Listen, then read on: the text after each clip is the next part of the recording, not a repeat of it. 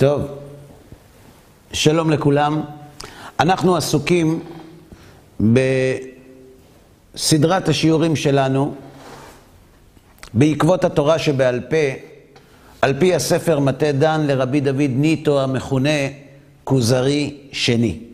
בשיעור הקודם עסקנו בשאלת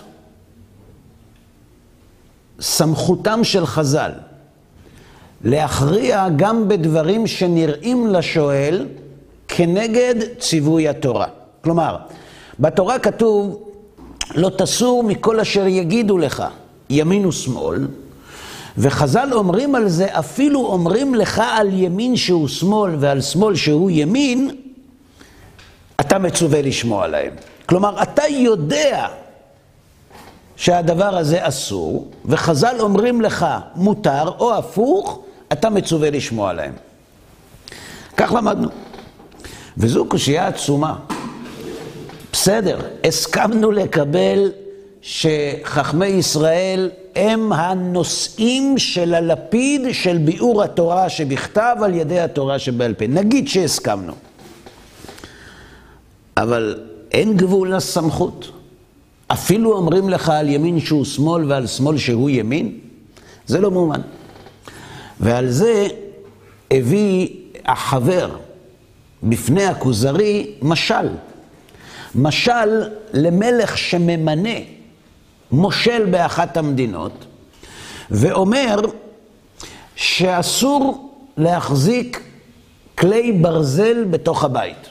חוק חדש שהמלך ציווה. ואחד מהם השאיר בבית סכין. וכאשר נתפס הסכין, הוא מועמד לדין, והוא בא בטענה, מה אתה רוצה? אומר לו המושל לאזרח, אדוני, אנחנו אמרנו שהמלך אמר לא להחזיק כלי ברזל. הוא אומר, כן, אבל זה לא כולל סכינים. הוא אומר לו, למה? הוא אומר לו, מה? תסתכל, בכל, בכל חמישים המדינות הנוספות של המלך, יש בכל בית סכין. ואז הם עומדים לפניך, שואל החבר את הכוזרי, לטובת מי תפסוק? לטובת השר שמבקש להעניש את האזרח, או לטובת האזרח שטוען טענה שבמדינות אחרות יש סכינים. ועל זה ענה המלך, ודאי שהדין עם השר, וטענת ראובן אינה טענה, כי אין לו לחפש אחר מה שציוויתי בשאר המדינות. מה זה עסק שלך, מה אני אמרתי לאחרים? השר הוא המייצג שלי במדינה, תעשה את מה שהוא אומר. ועל זה ענה החבר, ואת זה כבר למדנו, אשמע לאוזניך מה שאתה מוציא מפיך. זהו ממש מה שציוונו השם יתברך. הקדוש ברוך הוא כותב בתורה, אל תתחכם. אני ציוויתי, יש סנהדרין, הסנהדרין הם הנציגים שלי, מה שהם יגידו לך, תעשה. כן, אבל אני יודע, זה לא משנה מה אתה יודע, אבל במקומות, זה לא משנה במקומות אחרים. הם הנציגים המוסמכים לצוות במדינה הזאת בשמי, אתה מחויב לשמוע להם. וכאן יש אפילו טענה יותר חזקה, הוא אומר. במשל, הוא אומר, במדינות אחרות יש סכינים. מה בנמשל? חז"ל אומרים, פרי עץ הדר הוא אתרוג. אם היה בא אדם ואומר, מה זאת אומרת, פרי עץ הדר זה לא אתרוג, הייתי בהודו, ראיתי נוטלים לימון. גם אז היינו מצווים לשמוע בקול השר, דהיינו בקול החכמים. אבל בנמשל זה הרבה יותר חזק. אין אף אחד שנוטל לימון. כל השאלה שאתה שואל על הפירוש של חז"ל זה, ומי אמר? אתם זוכרים את הסיפור של, ואולי הפוך, ומי אמר? זאת אומרת, יש פה טענת שמע רצוצה וחלשה כנגד מסורת מסודרת שמועברת על ידי בעלי סמכות שהתורה מינתה, זה אפילו לא מתקרב. זאת אומרת, המשל הוא הרבה יותר חלש מהנמשל. כי אין מי שאמר אחרת. נכון. אבל בנידון דידן, מי יוכיח שמה שהורונו חז"ל אינו מה שקיבל משה רבנו עליו השלום בסיני? כגון הם פירשו לנו שפרי עץ הדר האמור בתורה הוא אתרוג דווקא. היש אדם בעולם שיוכל לטעון או להוכיח באמת שאינו אתרוג אל הרימון? תפוח, אפרסק, או פרי אחר?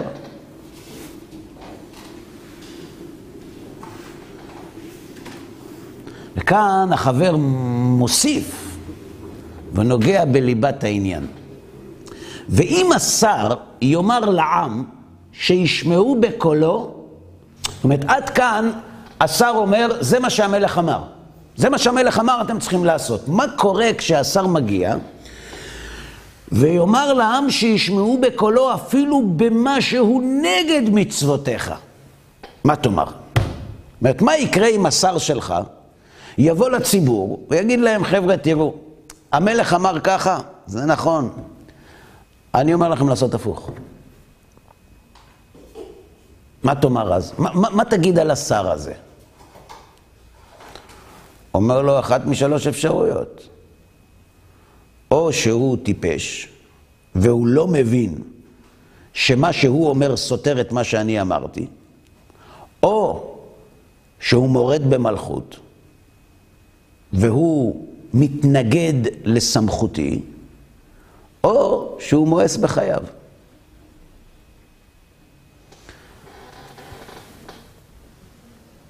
עד כאן בסדר?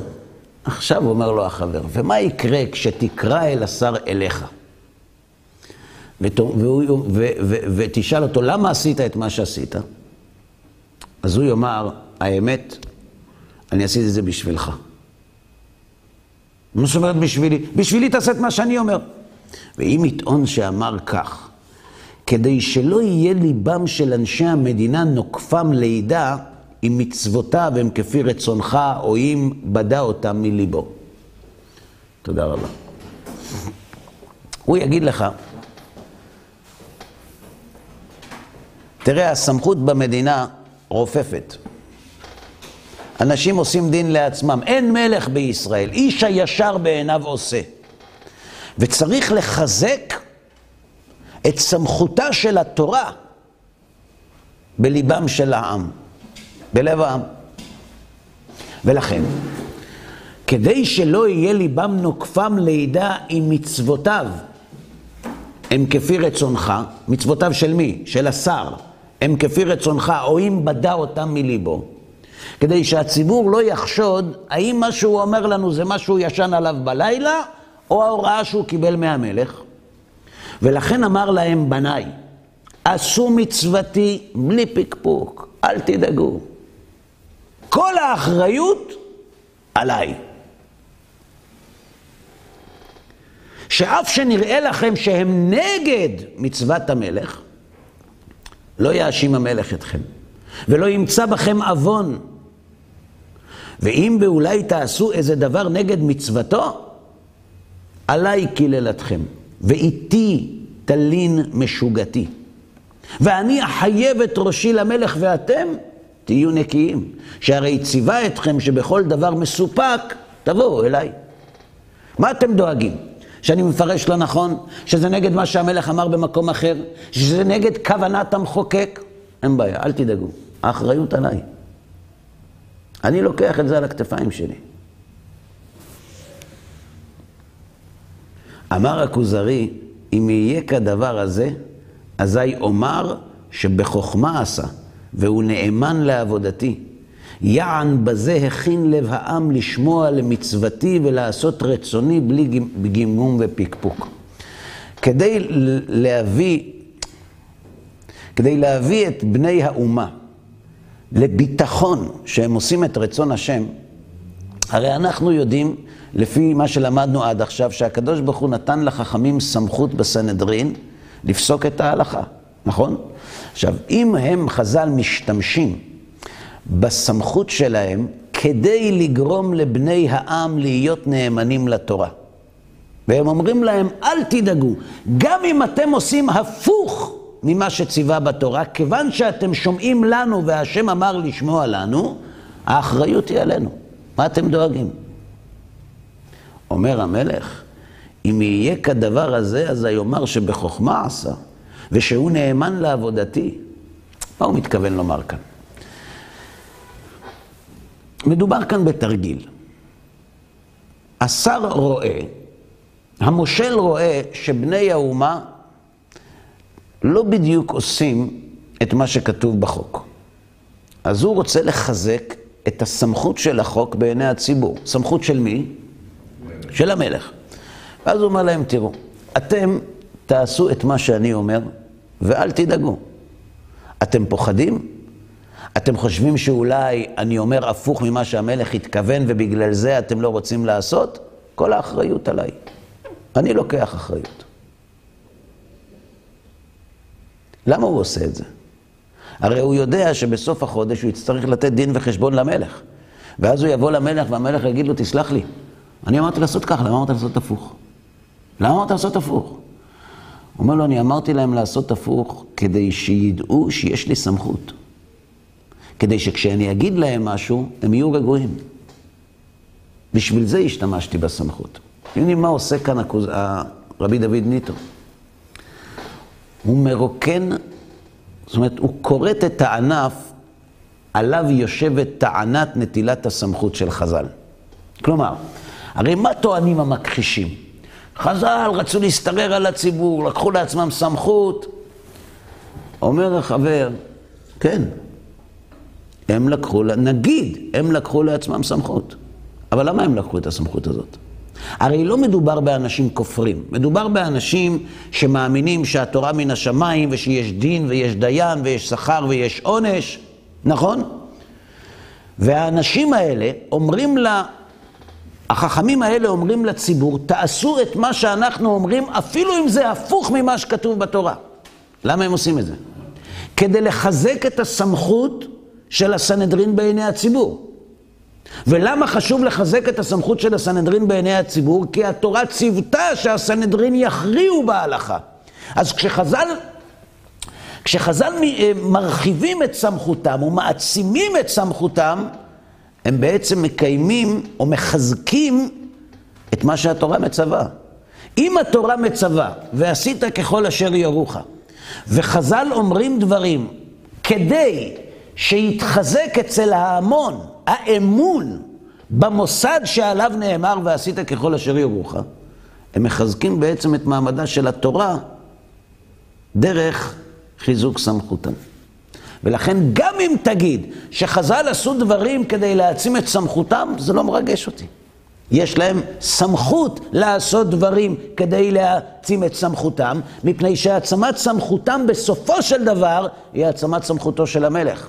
כשהציבור נותן אמון בלתי מסויג בשר, הוא בעצם נותן אמון בלתי מסויג במלך. כן, בבקשה.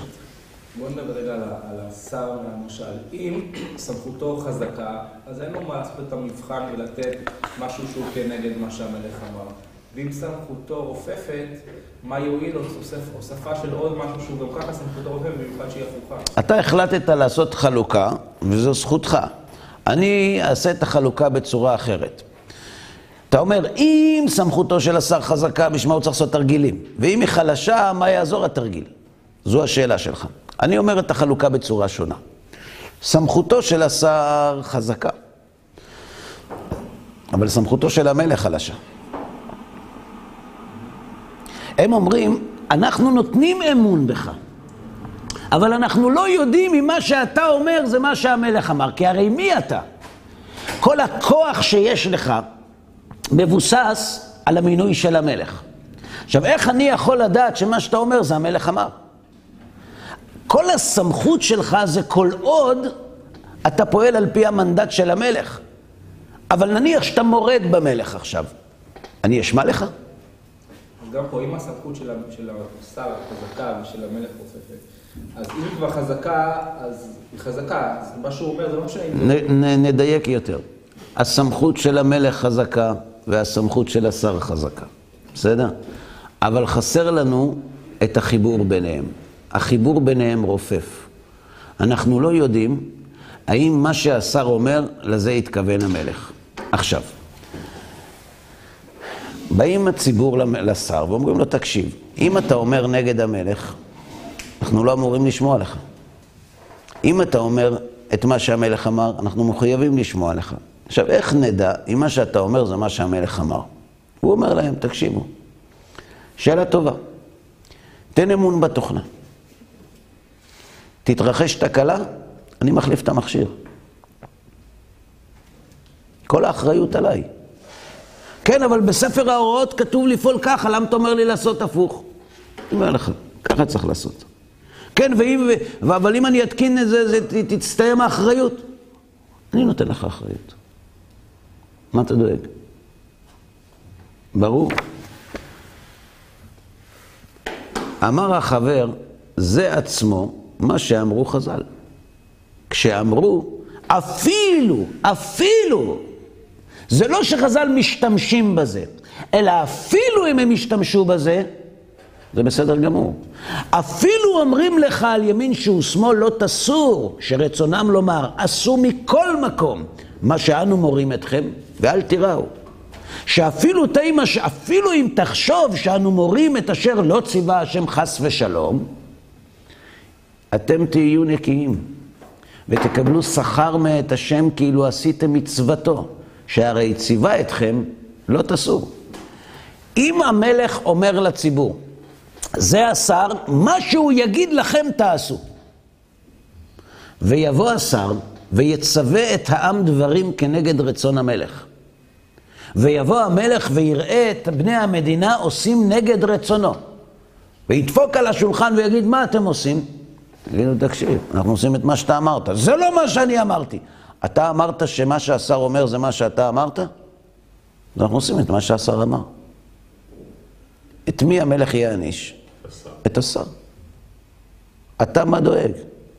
כל עוד אני אומר לך, תעשה את מה שהשר שלי אומר לך, ואני לא מסייג את זה, בשום סייג, ואתם תהיו נקיים. אתם מבינים, בואו נגיד את זה ככה, קשה לנו קצת ל, ל, ל, לדמיין את זה, אבל בואו נגיד ככה. קחו לדוגמה, היום אין, אין, אין מושלים שבעיני דף אף הורגים אנשים. זאת אומרת, אולי יש, כן. אבל, אבל מלך חזק מאוד, דיקטטור, מלך חזק, ממנה שר. והשר צריך לפרש לציבור את החוק שהמלך שלח לו. מה לפי דעתכם הוא יעשה? הוא יגיד להם מה נראה לו? או שהוא ישלח רצים לבירה כדי לברר בדיוק למה המלך התכוון? או שהוא הולך לבד. למה? כי הוא חושש לחייו. הציבור, הציבור רגוע. מה שהשר אומר, הם עושים. אם מלך בשר ודם ממנה שר, וכשיש לשר ספק, הוא לא מחליט על דעת עצמו, אלא הוא רץ למלך כדי לברר ברחל בתו הקטנה למה התכוון המלך. מלך מלכי המלכים. צריך להבין, יראת החכמים את הקדוש ברוך הוא, אין לה מקבילה אנושית. מדובר על יראת הרוממות. זאת אומרת, יראה ואהבה יחד. הערצה אינסופית, הכנעה אינסופית ואהבה גדולה שכל תכליתה זה לעשות בדיוק את מה שהמלך רוצה.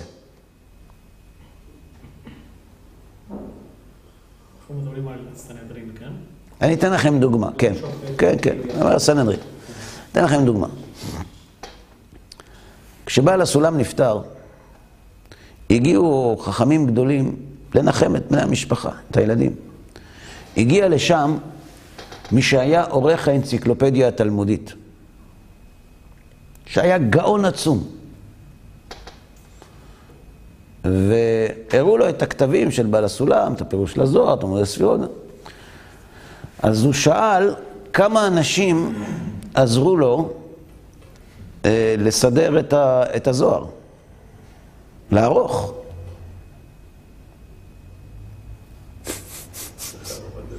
אף אחד. שאלו אותו כמה נראה לך, אמר חמישה עשר איש בערך. ככה סיפר הרבה. חמישה עשר איש. אמרו לו לבד, אמר זה לא יכול להיות. זאת אומרת, למה אני מספר לכם את זה? אני לא, לא, אני לא מעוניין לספר מופתים. למה אני מספר את זה? כי מסתבר שאם אדם אחד עושה עבודה של חמישה עשר איש, זו עבודת חייו. את כל כוחותיו הוא השקיע בדבר הזה. זה נשמע הגיוני? בן אדם כל החיים מקריב כדי ליצור יצירה.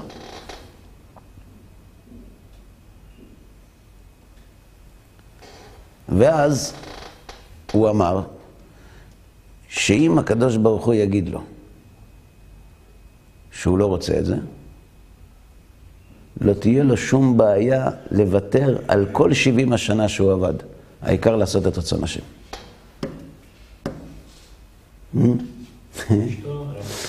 כן, בן אדם כותב תיאוריה כמה שנים, רב עם כל העולם, גם כשהוא יודע שזה שקר, העיקר שזה לא יתמוטט. המלך שולח בן אדם ליצור יצירה, 60 שנה הוא עובד עליה. 60 שנה, מה, מה דוחף אותו? להביא את היצירה למלך. ואז המלך מסתכל על זה ואומר, אתה יודע מה, אם אתה אוהב אותי, נזרוק את זה. והוא זורק את זה באותה אהבה שבמשך 60 שנה דחפה אותו לבנות למלך את היצירה שלו. עכשיו שאלה קטנה, אדם כזה הוא לא חי לפני אלף שנה, הוא חי לפני פחות מ-70 שנה. אדם כזה, שמישהו בא לשאול אותו הלכה, והיא מסופקת בידו, מה הדבר הראשון שמנחה אותו? שלא יטעה בדבר הלכה, שלא אומר נגד רצון המלך.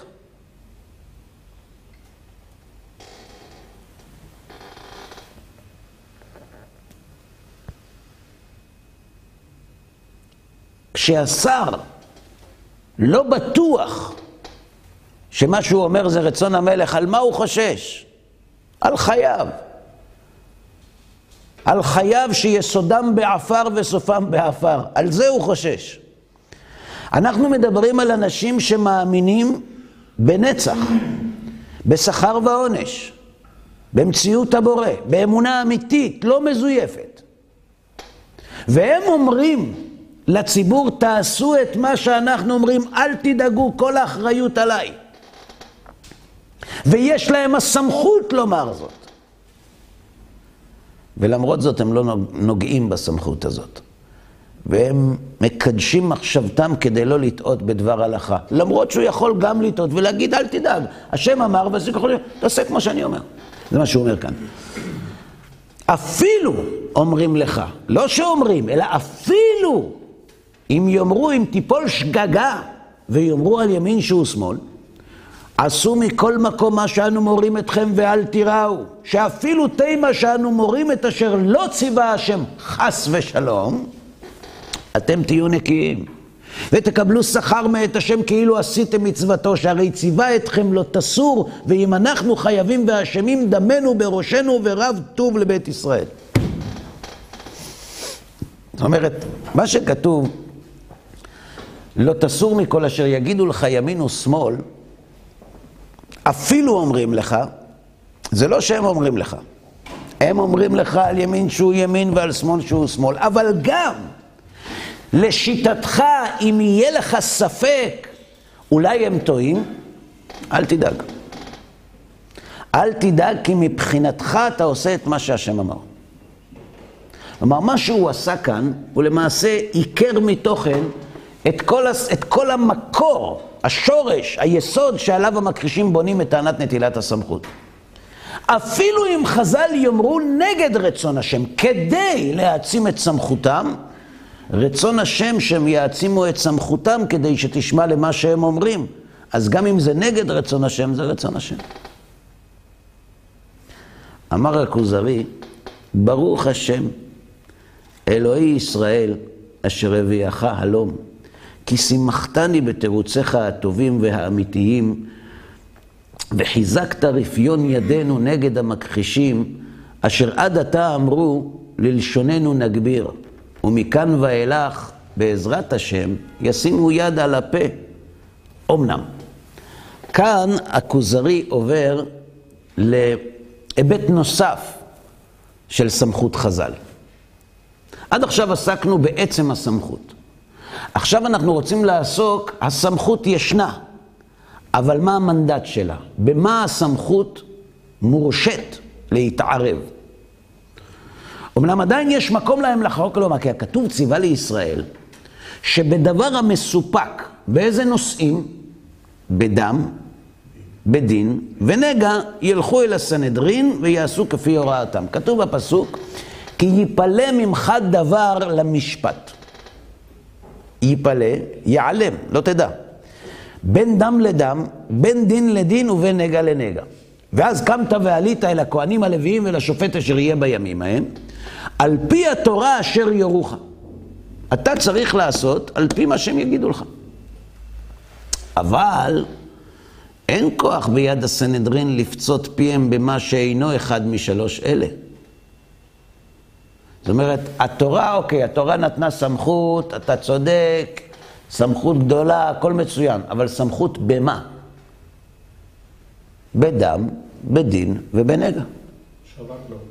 לא בענייני שבת, לא בענייני כשרות, לא בענייני טרפות, לא בענייני צניעות, בשום דבר, בדם, בדין ובנגע. אז את כל מה שאמרת, נגיד שאני מקבל, יאמר המכחיש, אבל זה מצטמצם לתחום מאוד צר בתורה. כל העושה בו מלאכה יומת. באו חז"ל, סוללה של מלאכות, 39, ותולדות. סליחה, על סמך מה? זאת אומרת, כתוב, יש לנו סמכות, ככל אשר יורוך, סליחה, ככל אשר יורוך, על מה? על דם, על דין ועל נגע. מה עונים על זה? זו טענה חזקה. מה עונים על זה?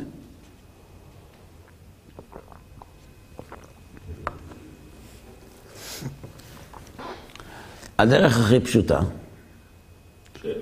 זה להגיד, בסדר, מה זה דין? אמרת דם, דין ונגע. מה זה דין? עכשיו, איזה דם? דם נידה, דם בהמה וחיה, דם חגבים, איזה דם? הייתי יכול להשיב להם, אומר החבר, שתחילה יבהרו לי מהו גדר דם, דין ונגע. ואחר כך הייתי משיבם. אבל כדי שלא יאמרו שאני רוצה לבלבל הדברים, מפני שאני מבולבל בדבר הזה, ואין לי תירוץ מספיק, איני רוצה לחלוק עמהם בפירוש דם בדין בנגע. כשאתה אומר לבן אדם, אוקיי, קודם כל תסביר לי מה זה דם, מה זה דין, מה זה נגע, אחרי זה נדון. אז מה הוא עונה? הוא אומר, תראה, יכול להיות שאתה אין לך באמת תשובה. אז מה אתה עושה? אתה מעביר את הכדור לצד השני של המגרש, אבל אתה עצמך אין לך תשובה. דם, דין ונגע. אז מה אתה אומר? גם אתה בבעיה. בסדר, גם אני בבעיה. לא יודע מה זה דין, לא יודע מה זה נגע, לא יודע מה זה דם. אבל תסביר לי, אתה מסכים איתי שזה תחום הסמכות? בדם יש גם הלכות שבת? אפשר לומר את זה, אבל אני לא רוצה ללכת לשם. יש לי משהו יותר טוב להגיד. אשאל מהם שאלה, ופה אני גם צריך את החשיבה שלכם. אם נפל מחלוקת, בואו נצא מנקודת הנחה שאנחנו יודעים מה זה דם, יודעים מה זה דין ויודעים מה זה נגע. ונפל ספק בהלכה שאינה דם, אינה דין ואינה נגע. מה עושים? למשל, יש בית משפט לענייני תעבורה. בית משפט לענייני תעבורה, יש לו סמכות לדון בענייני תעבורה. עכשיו, יש לנו בעיה בענייני יחסי שכנים. בסדר? סכסוך שכנים. אנחנו הולכים לבית משפט לתעבורה, ואנחנו אומרים, אנחנו רוצים דין. אומרים, זה לא קשור, למה? שכנים, הם עוברים גם כן, זה גם תעבורה. זאת אומרת, הם עוברים, עולים, יורדים. זאת אומרת, גם, למה לא? זה לא קשור, יש דיני תעבורה, ואנחנו לא מתעסקים בזה. טוב, אז, אז מי כן מתעסק בסכסוכי שכנים? באיזה בית דין? אומרים אין. טוב, אז מה עושים? זאת אומרת, במדינה מתוקנת שיש בה חוק, החוק צריך להתייחס ולהקים מנגנוני משפט לכל תחום ותחום מתחומי החיים החברתיים. בית משפט לענייני משפחה, בית משפט לתעבורה, בית משפט בדין לעבודה. כל דבר. אם נפל מחלוקת בדבר שאינו אחד משלוש אלה, כגון, אם החודש הכתוב בתורה, החודש הזה לכם ראש חודשים. ראש חודש קשור לדם, דין או נגע? ואנחנו לא יודעים האם החודש שאנחנו סופרים הוא של חמה או של לבנה. אנחנו לא יודעים, לא כתוב.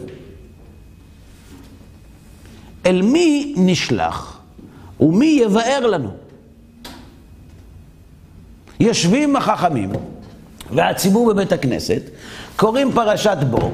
פרשת בו כתוב, השם אומר למשה, החודש הזה לכם ראש חודשים, ראשון הוא לכם לחודשי השנה. כבוד הרב, יש לי שאלה. איך מונים את החודש? לפי השמש או לפי הירח? לא כתוב. צריך ללכת לסנהדרין. מה פתאום סנהדרין? סנהדרין עוסקים רק בדם, דין ונגע. Mm, נכון. אז מי יחליט? החייט? הספר? הבנאי? זה לא שחייט, ספר ובנאי זה לא מקצועות מכובדים. אבל חייט, ספר ובנאי אלו מקצועות מאוד מאוד ברורים שאין להם שום קשר לקידוש החודש. בן אדם יש לו פאנצ'ר. הוא ניגש למישהו, אומר לו, תקשיב, יש לי פאנצ'ר, אני חייב להגיע לפגישה. אומר לו, הפאנצ'ריה ממול, ליד הבית מרקחת. הולך לפאנצ'ריה, סגור. חוזר, אומר לו, סגור. אומר לו, תנסה אז בבית מרקחת. אומר לו, מה קשור בית מרקחת לפאנצ'ר? לא קשור, אבל פתוח. זה לא רציני. יש לנו ספק בהלכה, אנחנו לא יודעים מה עושים. בואו תגידו אתם, למי הולכים? אמר הכוזרי, אין ספק שזהו דבר הנוגע לחכמים. וכן כל כיוצא בזה. לפי שעמי הארץ אינם יודעים כלום בכלל, ובפרט, בדם, ובפרט בדבר חוכמה. זאת אומרת, כשיש לך קושייה פילוסופית, אתה הולך לפילוסופים. כשיש לך קושייה ממונית, אתה הולך לבית משפט לממונות. כשיש לך קושייה משפטית, אתה הולך לבית משפט. כשיש לך קושייה הלכתית, למי אתה הולך? מישהו אמר לי פעם, בדת ובפוליטיקה, כמה שאתה מבין פחות, אתה מדבר יותר. והיינו ערך אתמול. למה? כי מי שיודע מה זו פוליטיקה, יודע שאתה לא יכול להתחייב על שום דבר. אל תגיד שום דבר, כי מחר הכל יתהפך. זה שאין לציבור אמון בפוליטיקה, זה לא בגלל הפוליטיקאים. הפוליטיקה מטבעה היא תלויה במשהו אחר, בתאוות שלטון. וכל עוד תאוות השלטון היא נר לרגלו של הפוליטיקאי, הדעות שהוא יציג או יבליט תלויות בשאלה מה יקדם אותי אל המטרה העליונה שלי. לכן אם אתה יועץ או עוזר פרלמנטרי של חבר כנסת, אל תגיד באופן מוחלט ותצדיק באופן מוחלט את מה שהח"כ שלך אומר. כי יכול להיות שמחר בבוקר לא תקבל עדכון, ואז יגידו לך, למה אתה ממשיך להגיד את זה? החבר כנסת שלך כבר אומר הפוך. ויגידו, רק חמור לא משנה את דעתו. כן. ומה שרואים משם לא רואים מכאן. ויש עוד מקום שמה שרואים משם לא רואים משום מקום. כן. יש שאלה גדולה, למה התורה הגבילה את היפלא ממך רק לשלושה נושאים? נכון. נכון, זה קושייה. נכון, קושייה. שיכתוב כי יפלא ממך דבר בענייני ההלכה, בדבר תורה, תלך לחכמים. אם התורה הגבילה, לכן אמרנו, זו קושייה טובה. דם, דין ונגע, שלושה דברים. אבל כרגע הגבילה, זו עובדה. על זה אין ויכוח. הגבילה לשלושה נושאים. עכשיו, יש לנו ספק בנושא שלא קשור לאחד משלושת הקריטריונים שהתורה מציגה. כלומר, לא הכל שפיט. בסדר, הבנו, לא הכל שפיט, רק דם, דין ונגע. ומה עושים בשאר שלא שפיט? מי, מי קובע בזה? אז במדינה, כשאומרים לא הכל שפיט, אומרים לבית משפט עליון, תקשיב, אתה לא יכול להחליט בכל דבר. בעניינים ערכיים זה לא התחום שלך. אין בעיה. טוב, אבל מי יחליט? הפוליטיקה. בבחירות יחליטו. מה הציבור רוצה, זה מה שיהיה. ובדיקטטורה, מה שהדיקטר רוצה, זה מה שיהיה. ובהלכה. מה יהיה בהלכה? מה עושים? כן, בבקשה. אם החבר אומר בעצם שבגלל שזה לא נמצא בתחומים האלה, אז צריכים ללכת לחכמים כי הם האופציה בעצם היחידה. הוא לא אומר שצריך. הוא אומר, כרגע יש לך שתי אופציות. הבנאי, הספר והחייט, או, אנחנו, או החכמים. נכון. ואז תחליט. נכון. מה השכל אומר? אז בעצם הוא בעצם מייתר את. מה שכתוב בתורה בכלל שיש סמכות לשלושת הקריטריונים האחרים, כי אפשר ללכת באותה שיטה. מה החידוש שיש בתורה זה שאני שם את זה לשלושת הקריטריונים האלה. יש סמכות מעבר לסמכות במקרה השני. יכול להיות שיש סמכות פחותה, יכול להיות שאין להם סמכות. שואל אותך כרגע מההיגיון. מה ההיגיון אומר? לא בגלל זה אנחנו מרחיבים את הסמכות. הוא אומר לשיטתך, אתה אומר שמוגבלים רק לשלושה תחומים? בסדר גמור. אתה, אתה מקשה לא רק עליי, אתה מקשה גם על המכחיש. באמת, אם ההיגיון אומר שכך צריך לעשות, אז בכלל מיותר כל הפירוט של דם דין ונגע. בשביל מה אתה מוציא אותה מן הכלל? תגיד באופן כללי, וזה הכל, כי הרי הולכים לחכמים בכל מקום שיש ספק. זו קושייה שאתה מקשה גם עליי וגם עליו. כי אין לנו כרגע ויכוח באשר לעובדה שהתורה הגבילה את הסמכות לשלושה דברים, ועכשיו גם המכחיש וגם אני עומדים מול שוקת שבורה ושואלים, אוקיי, אז מה עושים כשיש ספק? מי מכריע? כי הרי גם ענן בן דוד הקראי הסכים שיש ספקות, ולכן הוא אמר, חפיסו באורייתא שפיר, תעבדו עם השכל. כלומר, צריך שכל. למי הולכים? הרי מוכרח מדרך השכל שכל ספק שנולד בתורה, החכמים יבערו. זה בעצם מה שאתה אומר. אם כן, הוא שואל, מה למכחישים כי נזעקו על חז"ל? למה אתם מתלוננים שחז"ל הרחיבו את סמכותם? למי רציתם שאנשים ילכו כשיש להם ספק? למי? יש לך ספק, אתה לא יודע מה לעשות. אדם יש לו ספק, האם הכדור שהרוקח נתן לו לוקחים לפני האוכל או אחרי האוכל? אז הוא חוזר לבית מרקחת, ואומרים לו, הבית מרקחת סגורה, הפנצ'ריה פתוחה. אז הוא אומר, אבל מה מבינים בפנצ'ריה בתרופות? הוא אומר, תתפלא. תתפלא, הם שכנים הרבה שנים. למי, למי הולכים כשיש ספק? למי שמצוי בתחום או למי שלא? עכשיו, אין לך רופא. אין לך רופא. אבל יש לך אה, אה, אה, סטודנט, שנה איקס לרפואה, והוא שכן שלך, ואין רופא. למי תלך לשאול? לזה שמייצר נעלי יוקרה, שנמכרות ב-5,000 דולר לנעל, או לסטודנט ל... לרפואה שמנקה מדרגות לפרנסתו. בטח שנלך ליצרן הנעליים, הוא אדם עשיר. מה קשור עושר להבנה ברפואה?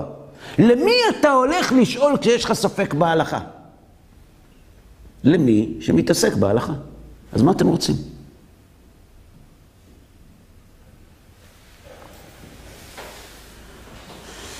מה הוא עושה כאן? אתם זוכרים את השאלה? השאלה הייתה ככה, אוקיי, הבנו שלחכמים יש סמכות, אבל הסמכות שהם קיבלו היא ל-X ולא ל-Y. נכון. צודקים. יש לכם אלטרנטיבה יותר טובה? בואו תציעו. למי אתם הולכים כשיש לכם ספק? למומחה. מי המומחה להלכה? החייט, הנגר, הבנאי או החכם? אמר הכוזרי, יפה דנת, יפה זיכית לחז"ל. ואף על פי כן, עדיין יאמרו שבדו כל אלה הדקדוקים, כגון התולדות של שבת והשבעים תרפויות, שאף על פי שגורמים הפסד ממון והפסד נפשות, יש בהם תועלת וכבוד גדול לחכמים, מפני שבזה מרחיבים ממשלתם ומטילים אימה יתרה על הציבור, ובכן יכבדום וינשאום כל ימי העולם. חזר להתחלה. בסדר, יש להם סמכות לדון בדם דין ונגע, ובענייני ספקות גם יכול להיות שיש להם סמכות לדון, כי אין מישהו אחר שיעשה את זה, והתורה אומרת, אפילו אומרים לך על ימין שהוא שמאל, הכל נכון. אבל מאיפה אני יכול להיות בטוח שכל ההרחבה העצומה הזאת מחוברת בכלל לתורה? התורה אמרה לו, הוציאו את החוק מהקשרו. התורה אמרה ששבת נוצרה בשביל לנוח, שנאמר, למען ינוח שורך וחמורך. נכון? אז מישהו בכללם, הוא צריך לנוח. והם הלכו ועשו מזה מטעמים, טרפויות. אז מה תגיד? כן, זה גורם נזק לציבור, והפסד ממון, והפסד נפשות, נכון, כמו שאתם אמרתם, אבל על ידי זה שהם הורגים, ועל ידי שהם גובים כסף, זה מטיל סמכות על הציבור.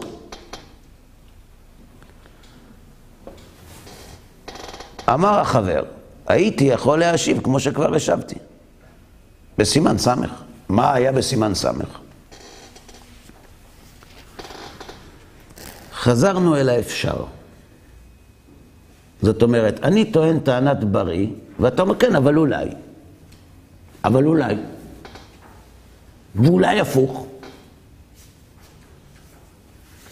אבל, בכדי שיכירו המנגדים כוח טענתנו, אשיב דרך פרט לטענה הרעועה, ואומר, בואו נניח שאנחנו חכמים ואנחנו רוצים להשתרר על הציבור. היו יכולים להקל הקנס בתולדות, שבמקום סקילה ילקו לעובר ולא יהרגו. למשל, אדם שחילל שבת במזיד, הבעיר אש, מה דינו? סקילה. ואם זה תולדה? גם סקילה. עכשיו, אם התולדות הן תוספת של חז"ל על הבערה, היו יכולים להגיד גם זה אסור, ומי שעובר על זה חוטף. כלומר, עדיין הם יכולים להרוויח. מה אנחנו אומרים? כשאתה הורג בן אדם, אתה גורם נזק לחברה. אלא מה? יש לזה תועלת. אנשים פוחדים, אנשים מבינים שיש לך סמכות. זה נכון. אבל אם אתה רוצה שזה יעבור יותר חלק, אתה צריך שיהיה עונש, אבל שהוא עדיין לא יהיה עונש מקסימלי, שיהיה פחות, אבל עדיין גורם נזק פחות גדול לחברה. היו יכולים להקל הקנס בתולדות, שבמקום סקילה ילקו לעובר, לעובר, ובתרפויות. אם יימצא תימצא סרחה מטרפת, ישליכו הריאה ויאכלו שאר הבהמה. יש, יש, יש סרחה בריאה? תחתוך אותה. ומה עם שאר הבהמה? לא, זה בסדר. הכל בסדר. וכן בכל שאר התרפויות, ישליכו העבר הנטרף ויכשירו השאר, כמו שהורונו בעניין עובר שהוציא ידו והחזירה. אה? עובר. לא? לא עובר של אדם, אוקיי. עגל. אנחנו יודעים, יש דין של בן פקועה. מה זה בן פקועה? אתה שוחט בהמה, אתה מוצא עגל. לא חי, לא משנה, עגל, בתוך העובר, בתוך הרחם שלה. כמו בהמה טרפה. אני לא, לא מדברים עם טרפה עכשיו. שחטת בהמה כשרה. מה דין העובר? עכשיו, מה קורה אם העובר יצא החוצה לפני השחיטה? הוא זקוק לשחיטה או לא? לפני השחיטה. ואם כשפותחים את הבטן קופץ העגל, אומרים חז"ל ניתר בשחיטת אימו. בסדר? לא צריך לשחוט אותו. עכשיו, מה יקרה אם הוא הוציא רגל? לפני השחיטה? כן. כן. אומרים חז"ל, בעניין עובר שהוציא ידו, בסדר? אם יש לכם, אם אתה יכול להביא מפה גמרא, נראה את זה בפנים. עובר שהוציא ידו והחזירה, שאמרו, כל מה שיצא מהעבר לחוץ, אסור. וכן בעבר או בשר מדולדלים שאמרו שהם אסורים והשאר מותר. וכן ירחיבו גמול לממשלתם בלי הפסד נפשות והפסד ממון מועט. אם המטרה היא סמכות, אין עניין להפסיד כסף. אין עניין להרוג אנשים, יש עניין לה, להגביר סמכות. אתה יכול להגביר סמכות במחיר הרבה יותר זול. וגם יפרגנו לך. כשאני הייתי רב בקהילה מסוימת בחוץ לארץ, הייתה לי התנגשות עם, אה, נשיאת הקהילה. נשיאת הקהילה, היא לא הייתה אדם דתי, אבל הם היו חייבים להביא רב אורתודוקסי. אם זה היה תלוי, אם זה היה תלוי בהם, אם זה היה תלוי בהם, הם לא היו מביאים רב בכלל, אולי אפילו מביאים כומר. אבל הם היו חייבים. היו חייבים. כן. היו חייבים. ו... והקומה של המסעדה של הקהילה הייתה בבניין רב קומות בקומה שלישית. עכשיו, הכניסה למסעדה של הקהילה הייתה דרך המעלית. כשאני הגעתי לשם, אמרתי להם שבשבת נא לנעול את המעלית בקומה הזאת, ומי שרוצה לעלות שיעלה ברגל. כי זה לא הייתה מעלית שבת. קיבלתי זימון חריג למשרדה של הנשיאה. היא אומרת לי, מה זאת אומרת? עד היום זה היה בסדר, מה קרה? אמרתי לה, השתנו הדברים. זמנים השתנו, גברתי. אני פה הרב, ואני קובע. אתם יודעים מה היא אמרה לי? אם תמשיך לקבוע, אנשים יברחו מפה. תעלי מים. זה מה שהוא כותב כאן. ס"ח עמוד א', בהמה מקשה ללד, והוציא העובר את ידו והחזירו, מותר באכילה. הוציא את ראשו, אף על פי שהחזירו, הרי זה כילוד. בסדר? אומר רבי יהודה בשם רב בגמרא, ואיבר עצמו, היד שהוציא והחזיר, אסור. מה היא טעמה? דאמר קרא ובשר בשדה טרפה, לא תאכלו. כיוון שיצא בשר חוץ למחיצתו, נאסר. בסדר? אז אם יש לנו כבר תקדים, שזה אסור והשאר מותר, באותה בהמה, למה שבאמת, אתם יודעים כמה זה היה מוזיל את הבשר? אה, יצאה טרפה בהמה, סרחות בריאה, זרוק את הריאות. מי אוכל ריאות? בארה"ב אסור למכור חלקים פנימיים בכלל. זרוק. ישר המחיר, צריך לדבר עם כחלון, ישר המחיר היה יורד, מוזיל את יוקר המחיה. ועדיין חז"ל מקבלים את שלהם.